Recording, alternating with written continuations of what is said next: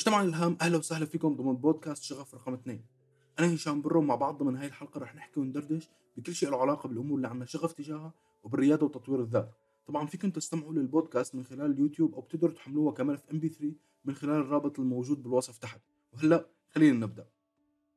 بالبداية خلينا نحكي شوي عن وين كنت بالفترة الماضية وليش وقفت نشر محتوى لأكثر من ستة أو حتى 8 أشهر لغاية اليوم وشو هو مستقبل القناة من اليوم وطالع والموضوع كالتالي. أنا بالحقيقة عندي مشكلة كبيرة وتحدي كبير واللي هي إنه لما بكون عم أشتغل على شيء معين سواء شيء له علاقة بشغلي الخاص أو شيء مشروع مع حدا أو جهة معينة أو حتى لما بدأت القناة بحط تركيزي ووقتي وجهدي بشكل كامل 100% على الشيء اللي عم أشتغله. والمشكلة إنه بصير غير قادر على التفكير بأي شيء تاني غير الشيء اللي عم أشتغل عليه بالأمور اللي أنا بحاجة إنه أنجزها. لدرجة حتى إنه بكثير أوقات بلاقي حالي بلشت أنعزل عن أي شيء أو أي حدا ما له علاقة بالشيء اللي بين إيدي. حتى رفقاتي المقربين كثير بيعانوا معي بسبب هذا الشيء. إنه هشام كان معنا اليوم وكل شيء تمام. ولما بفوت بهي الحالة ممكن يمر أيام قبل ما أرجع أتواصل معهم وأسأل عنهم. ومو قصة انهم ما بيهموني بالعكس تماما بس مثل ما قلت حرفيا بصير كل تركيزي على الشيء اللي عم اشتغله وهذا كان سبب الغياب بالفترة الماضية. من حوالي 8 أشهر بلشت بشيء جديد ومغامرة جديدة على الصعيد الشخصي وبمرحلة جديدة قررت فيها إنه أوسع شغلي. وفعلا حطيت خطة عمل وكنت متحمس لأبعد الدرجات وبدأت التنفيذ. وصدقا ما كنت ناوي ابدا إنه يأثر هذا الشيء على القناة هون بس ما قدرت يعني طبعي غلب علي.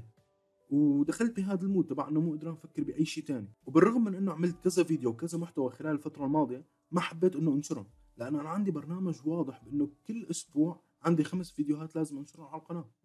ولما حسيت إنه ما بقدر أعمل خمسة ما نشرت شيء ابدا. وهذا خطأ. إنه انشر لو أقل كان يكون أفضل بكثير من إنه ما أنشر شيء ابدا. بس هذا اللي صار. وطبعا هالشيء قصة إنه لما بشتغل على شيء بنسى كل شيء. وبحط كل وقتي وتركيزي بالقصة اللي عم بشتغل عليها هو الشيء عم عاني منه من زمان كتير. يعني هالشيء كان سبب إنه خسرت فرص كان سبب إنه دراستي بعمرها ما كانت من أولوياتي لأن دائما كان في شيء أفضل بالنسبة إلي وأهم لأنه عمله ورسبت كذا سنة بالجامعة بسبب هذا الموضوع. حتى هالشيء أثر على صداقاتي وعلاقاتي بطريقة أو بأخرى. فأكيد هالمشكلة لها كتير جوانب سلبية بس إذا بدي أحكي بصراحة لو إنه الموضوع كان ما بيأثر على الناس اللي حواليه والموضوع فقط خاص فيني فأنا صدقا بكون بأسعد حالاتي وأنا بهيك حالة. كتير بكون مبسوط لما بيكون في عندي شيء معين وهدف حاطه قدامي وخطة عم أشتغل عليها وعم اسعى لأنه احقق هذا الشيء وما بعرف بس بحس إنه إذا ما كنت مركز بهذا الشكل وإنه عاطي مية بالمية ما بقدر إنه أوصل للي بدي إياه. ولهذا السبب إنه لغاية اليوم ما حاولت ابدا إنه ألاقي حل لهالمشكلة أو لهالتحدي. والسبب يمكن لأن قبل اليوم بعمري ما فكرت فيه على إنه تحدي أو مشكلة. بالعكس تماما بالنسبة لي كان هذا الشيء نعمة ونقطة قوة. إنه قادر ركز بطريقة قليل ناس بيقدروا يركزوا فيها فعلا. بس بالفترة الماضية بلشت احس والمس الآثار السلبية لهذا الشيء خصوصا إنه عندي علاقات وصداقات ما بيسوى إنه تنترك بدون اهتمام. وعندي مشاريع ما بصير إنه أتركها وأرجع له ورد أتركها وأرجع له ورد أتركها وأرجع فصرت بأمس الحاجة إنه أعرف كيف وازن وأعرف كيف وزع تركيزي وأعطي اهتمام لكل الأمور اللي بتحتاج مني إنه أعطيها وقت وجهد. ومتأكد إنه هذا الشيء ما راح يكون سهل بس هو شيء لازم اتجاوزه أكيد. ولازم أعرف كيف اتعامل معه بطريقة أفضل. وإنه رجعت انشر واعمل محتوى للقناة هو جزء من طريقتي بإنه أتعامل مع هالموضوع. لأن لو كنت بدي أترك الموضوع لحد ما إنه خلص من الأمور اللي عم أشتغل عليها ما كنت رح أرجع أنشر يمكن لأول سنة 2020 لأن خطة العمل اللي عم أشتغل عليها هي خطة مستمرة لنهاية 2019 فأكيد ما كانت تكون حالة سليمة ابدا إنه أهمل القناة أكثر من هيك. ولو إن كان هذا بيعني إنه ببعض الأسابيع ممكن أنشر أكثر من أسابيع ثانية وإنه حط نظام دعم بمعنى إنه أطلب من شخص أو شخصين كثير قراب مني إنه يعملوا ضغط إيجابي علي لما يحسوني بلشت أنعزل وبلشت تخلي شيء عم اشتغل عليه يسيطر علي تماما. بإنه يجوا لعندي ويذكروني إنه هشام أنت قلت إنه هذا الشيء ما منيح وإنه هذا الشيء لازم ما تعمله. ويكونوا هيك مصدر ضغط إيجابي لأنه أطلع من هالحالة. وكمان هو الشيء اللي غالبا رح يصير إنه لاقي حدا يساعدني بالعمل على المدونة ووزع الشغل بيننا. وأكيد من خلال هذا البودكاست رح خليكم على اطلاع بكل شيء بخص القناة. فإذا هذا كل شيء له علاقة بوين كنت الفترة الماضية وليش وقفت نشر. وإذا في حدا عم يعاني من هذا التحدي ومن هي المشكلة اللي عم أعاني منها أنا فأكيد حاب أعرف كيف طريقتك بالتعامل مع الموضوع وشو الأمور اللي ساعدتكم تتجاوزوا هذا الشيء. فإذا هلأ فينا نبدأ بالبودكاست وبالقسم الأول من البودكاست رح شارككم بشيء بظن إنه مثير للاهتمام. ممكن أي حدا يطلع عليه ورح يلاقي فيه فائدة كبيرة أكيد. هو فيلم وثائقي بعنوان Telltale: The Human Stories Behind The Games الوثائقي بيحكي عن تجربة استوديو لصنع الألعاب استوديو Telltale اللي قدر إنه يحقق شيء جدا قليل إنه استوديو ألعاب قدر يحققه واللي هو إنه أوجدوا نمط جديد كليا للألعاب واللي هي القصص التفاعلية. بهذا النمط أنت عمليا تحكمك بالشخصية جدا محدود وهذا الشيء عكس اللي إحنا متعودين عليه بالألعاب.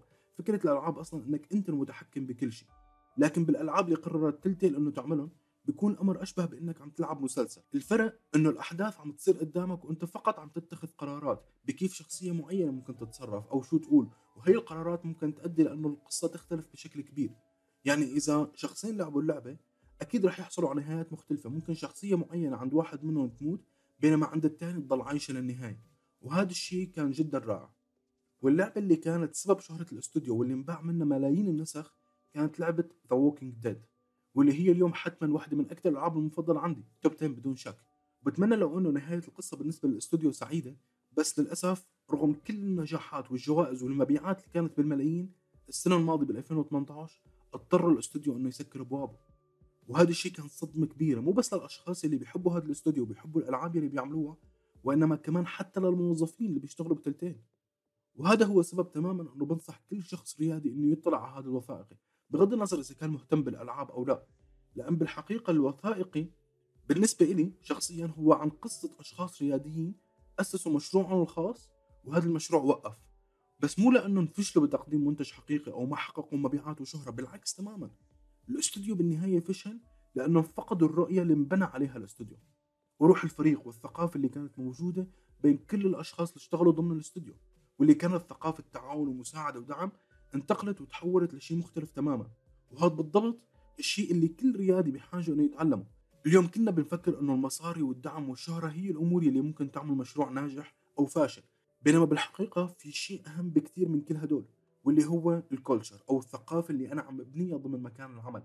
أكيد رح تفرق كثير لما أنا كون عم أبني وعم عزز ثقافة عمل بيكون الكل فيها مستفيد الكل قادر ومسموح له إنه يبدع ويشارك ويبرز حتى. وبين إنه ابني ثقافة عمل يكون فيها الفشل منسوب للكل والنجاح منسوب لشخص واحد فقط. ولما كنت عم أحضر الوثائقي وعم أسمع عن كيف تغيرت الثقافة داخل الاستوديو وكيف تغيرت توجهات القادة والمدراء مباشرة فكرت قصة جدا رائعة وذكرها سايمون سينيك بكتاب Start With Why أو اجعل غايتك بدايتك واللي هي كانت من أكثر القصص الملهمة اللي قريتها بحياتي.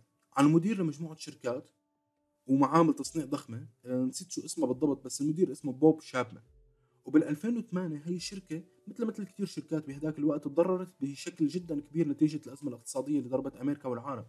وبين يوم وليلة خسرت الشركة جزء جدا كبير من الطلبات وبالتالي جزء جدا كبير من الأرباح نتيجة هي الأزمة. وكانت هي الخسارة ضخمة لدرجة إنه ما عاد ضل عندهم دخل يغطي رواتب الموظفين حتى. وكانوا بحاجة 10 ملايين دولار ليقدروا يغطوا الخسائر ويستمروا بالعمل. وطبعا مجلس الإدارة عمل اجتماع بوقتها وقرروا إنه الحل الوحيد هو إنه يتخلوا عن قسم جدا كبير من الموظفين اللي عندهم. هيك ببساطة. وطبعا هذا الشيء اللي صار باستوديو تلتين. حاولوا إنه ينقذوا الاستوديو بإنه يتخلوا عن أكثر من نص عدد الموظفين. وبدل من إنه هذا الشيء ساعدهم كان بالعكس تماما. خلق هذا الشيء روح من عدم الإحساس بالأمان والخوف عند الأشخاص اللي ضلوا. فالمهم آه، بوب شابمان اعترض بوقتها على قرار آه، مجلس الإدارة بإنه يتخلوا عن الموظفين اللي عندهم لحتى يوفروا هي ال 10 ملايين دولار. لأن بوب بيآمن بفكرة إنه الأشخاص العاملين بالشركة منهم مجرد أرقام وإنما أفراد من العيلة. وأكيد ما راح يتخلى عن فرد من العيلة لأن صار في مشاكل. وإنما طرح حل مختلف واللي هو إنه كل موظف من أكبر موظف من المدير لأصغر موظف مطلوب منهم ياخذوا شهر كامل عطل بدون أجر بدون راتب. والشيء اللي كان ملهم واللي خلق ثقافة جدا رائعة بالشركة تبع بوب هي الطريقة اللي علم فيها بوب هذا الحل. لأن جمع كل الموظفين بوقتها وقال لهم إنه أنا بفضل إنه نتحمل كلنا جزء بسيط من الألم على إنه يتحمل بعض منا الألم بشكل كامل. وهذا فعلا اللي عمله بدل ما إنه تخلى عن عدد كبير من الموظفين الكل بالمطلق تخلى عن راتب شهر كامل.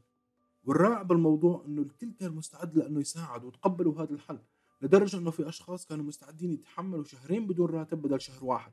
كرمال حدا من اصدقائهم اللي يمكن عنده عائلات أو التزامات معينة وما فين يتحملوا شهر بدون راتب وهيك بوب أنقذ الشركة. وبدل ما يوفروا 10 ملايين وفروا 20 مليون دولار. وهذا النوع من التصرفات والقرارات هو يلي بيخلق ثقافة ضمن مكان العمل. لهيك برأيي آه هذا الوثائقي جدا مهم. لأنه بكل معنى الكلمة استعراض لأهمية الثقافة اللي نحن كرياديين يفترض إنه نبنيها بمكان العمل. وكيف ممكن هي الثقافة تكون سبب النجاح أو سبب الفشل؟ هلأ خلينا ننتقل على القسم الثاني من البودكاست. بهذا القسم بنقرأ مع بعض مقالين كل أسبوع. المقال الأول بعنوان اللي قال المال لا يشتري السعادة ما كان بيعرف من وين يشتري. والمقال كالتالي المال لا يشتري السعادة هي مقولة مو كليا خطأ والسبب مو لأنه ما فيك تشتري الحب أو الصداقة أو الصحة بالمصاري وإنما السبب إنه نحن بأغلب الأوقات عم نشتري الأشياء الخطأ لنسعد أنفسنا. الخطأ إنه نحن عم نشتري أشياء مادية بينما لازم نسعى لنشتري تجارب والفرق جدا كبير. لما بنسعى لنشتري أشياء مادية مثل أحدث موبايل أو سيارة موديل السنة أو أكبر بيت أو غيره هاي الأشياء المادية بتعطينا سعادة مؤقتة. والمشكلة إنه ما بترضينا على المدى الطويل لأن دائما رح يكون في موبايل أحدث أو سيارة أجدد وبيت أكبر. وغالبا اللي بصير لما بنشتري شيء مادي بنكتشف إنه منه بالروعة اللي كنا نحن متصورينها وفجأة السعادة اللي كنا ناطرينها بتتحول لإحباط. ومن هون طلعت مقولة المال لا يشتري السعادة. لكن مثل أي شيء تاني إذا بدنا الأمور إنه تتغير لازم نغير نظرتنا للأمور وهون نفس الشيء تماما. خلينا نغير نظرتنا لشو ممكن نشتري بالمال لحتى يعطينا سعادة حقيقية. والجواب برأيي هو إنه نشتري تجارب والسبب إنه التجارب قادرة تغيرنا للأفضل وقادرة تصنع قصة حياتنا وتعطينا ذكريات حلوة تدوم للأبد. إذا اشتريت أحدث آيفون هذا ما رح يغير من شخصيتك لكن إذا سافرت لبلد تاني مثلا هاي التجربة أكيد رح تعمل لك تغيير للأفضل. حتى التجارب السيئة ممكن تجلب السعادة لأن التجارب السيئة مع الزمن تتحول لقصص جيدة. وعبر تعلمنا منها وطبعا الكل بحب يقضي وقت ويسمع للشخص اللي مجرب بالحياة. لأنه بيحكي لنا قصص وتجارب وبنحس إنه نحن عم نعيش هاي القصص والتجارب. لهيك المال ممكن يشتري السعادة بس لما نعرف من وين نشتري. المقال الثاني بعنوان أسوأ فترة بحياتي. والمقال كالتالي بال 2016 شغلي اللي كنت صار لي ثلاث سنين تقريبا ما وفرت فيهم أي وقت أو جهد كرمال أبني وأنجح فيه كان عم ينهار قدامي شوي شوي. ومهما حاولت إنه اتفادى الفشل وإنه ارجع أنهض بالشغل ما كان في شيء عم ينجح. علاقاتي مع عدة أشخاص كانوا بيعنوا لي كثير وفي منهم كانوا قدوة لإلي كانت عم تتراجع وحتى خسرت بعض من هدول الأشخاص. رسبت بالجامعة وعدة أمور تانية منهم لسه متذكرة ومنهم محيتهم من ذاكرتي تماما. ببساطة بهداك الوقت كنت عم حس بأمور وعم عيش أمور كنت عم أدعي إنه ما ترجع تنعاد. وطبعا أكيد في قصة إنه الفشل هو فرصة للتعلم من نهاية الطريق ومن هذا الكلام. بس هذا الشيء سهل إنه ينحكى لكن لما بننحط بهيك ظرف ممكن نتدمر نفسيا بكل معنى الكلمة. ويمكن أحيانا ما يكون السبب هو الفشل بحد ذاته وإنما الإحساس بالقهر تجاه الوقت والجهد الهائل اللي حطيناه. كرمال بالنهاية نطلع بولا شيء. وكأنه الوقت والجهد لوحده ما بيعني إنه إحنا بنستحق النجاح. فأكيد الأمر مو سهل. وبهذاك الوقت بدأت أبحث عن أمور تساعدني أتجاوز الشيء اللي كنت عم مر فيه. وبعد البحث والتجربة لقيت إنه أكثر شغلتين ساعدوني أنا شخصيا ورح يساعدوك أكيد إذا كنت عم تمر بنفس التجربة هن كالتالي أولا أعطي الموضوع شوية وقت ورح تلاقي إنك تعلمت شيء جديد. يمكن قبل قلت إنه كانت هي أسوأ مرحلة بحياتي بس إذا بتسألني اليوم بقول لك إنه هي صح كانت فترة ما حلوة أبدا لكن كانت واحدة من أهم مراحل حياتي. ومرحلة كنت بحاجة إنه مر فيها لأقدر أطلع لشيء أفضل ولأقدر أكون إنسان أفضل. لأن كنت أعمل كتير أمور وكنت بحاجة مر بهيك شيء لأقدر أتواضع أكثر ولأقدر أفتح عيوني على أمور ما كنت شايفها من قبل. وأمور تانية كنت دائما شايفها كانت دائما قدامي لكن الغرور أو الجهل أو أي شيء كانوا مخليني ما أشوفها وما كنت أعطيها أي انتباه. مثلا لما حدا كان يحاول يقدم لي مساعدة بخصوص شغلي كنت أرفض وما أتقبل أي شيء يتعارض مع الطريقة اللي أنا كنت عم أشتغل فيها. وكأنه طريقتي هي الطريقة الصح وأي شيء تاني ما بيسوى. وعلى ما يبدو إنه الشيء الوحيد اللي كان كفيل إنه يخليني أتواضع وأتقبل فكرة إنه طريقتي من الطريقة الصح كان الفشل. لهيك دائما بقول إنه تعلمت بالطريقة الصعبة صحيح لكن الفشل كان الطريقة الوحيدة اللي ممكن أتعلم من خلال التواضع وتقبل فكرة إنه دائما في شيء جديد ممكن نتعلمه وانه التغيير هو الشيء الوحيد الثابت بالحياة. فما في شيء اسمه طريقتي الصح والبقية خطأ. دائما لازم نكون منفتحين وعندنا قابلية تعلم شيء جديد. ثانيا خذ وقت مستقطع بينك وبين حالك لتقدر تقيم بشكل حقيقي الوضع اللي أنت فيه. بظن إنه كلنا بنتفق على فكرة إنه نحن ما بنقدر نتحكم بالحياة. وبشو ممكن يصير معنا بالمستقبل. لكن اللي فينا نتحكم فيه هو ردة فعلنا على هاي الأمور وكيف نتصرف لما بننحط بموقف صعب. أكيد الشخص اللي بيقدر يضل هادي ويحدد بالضبط شو الخطوة التالية اللي لازم يعملها رح يقدر يتعامل مع الموقف بفعالية أكثر من الشخص اللي بصير ينط بمكانه ويصيح اريد حلا. والموضوع أبسط من ما أنت متخيل. كل اللي أنت بحاجة تعمله هو إنه تقعد قعده رواق وصراحة بينك وبين حالك وتجاوب على هاي الأسئلة بكل مصداقية وشفافية. وبعدها رح تلاقي حالك قادر تتعامل مع الموقف بشكل أسهل بكتير. وهي الأسئلة هن كالتالي السؤال الأول شو كانت الغاية الأصلية أو الهدف الأساسي اللي أنا كنت عم أسعى لأنه أحققه وفشلت ابدأ ببساطة بأنك تحدد ليش بلشت وشو بالأصل كنت عم تحاول تحقق.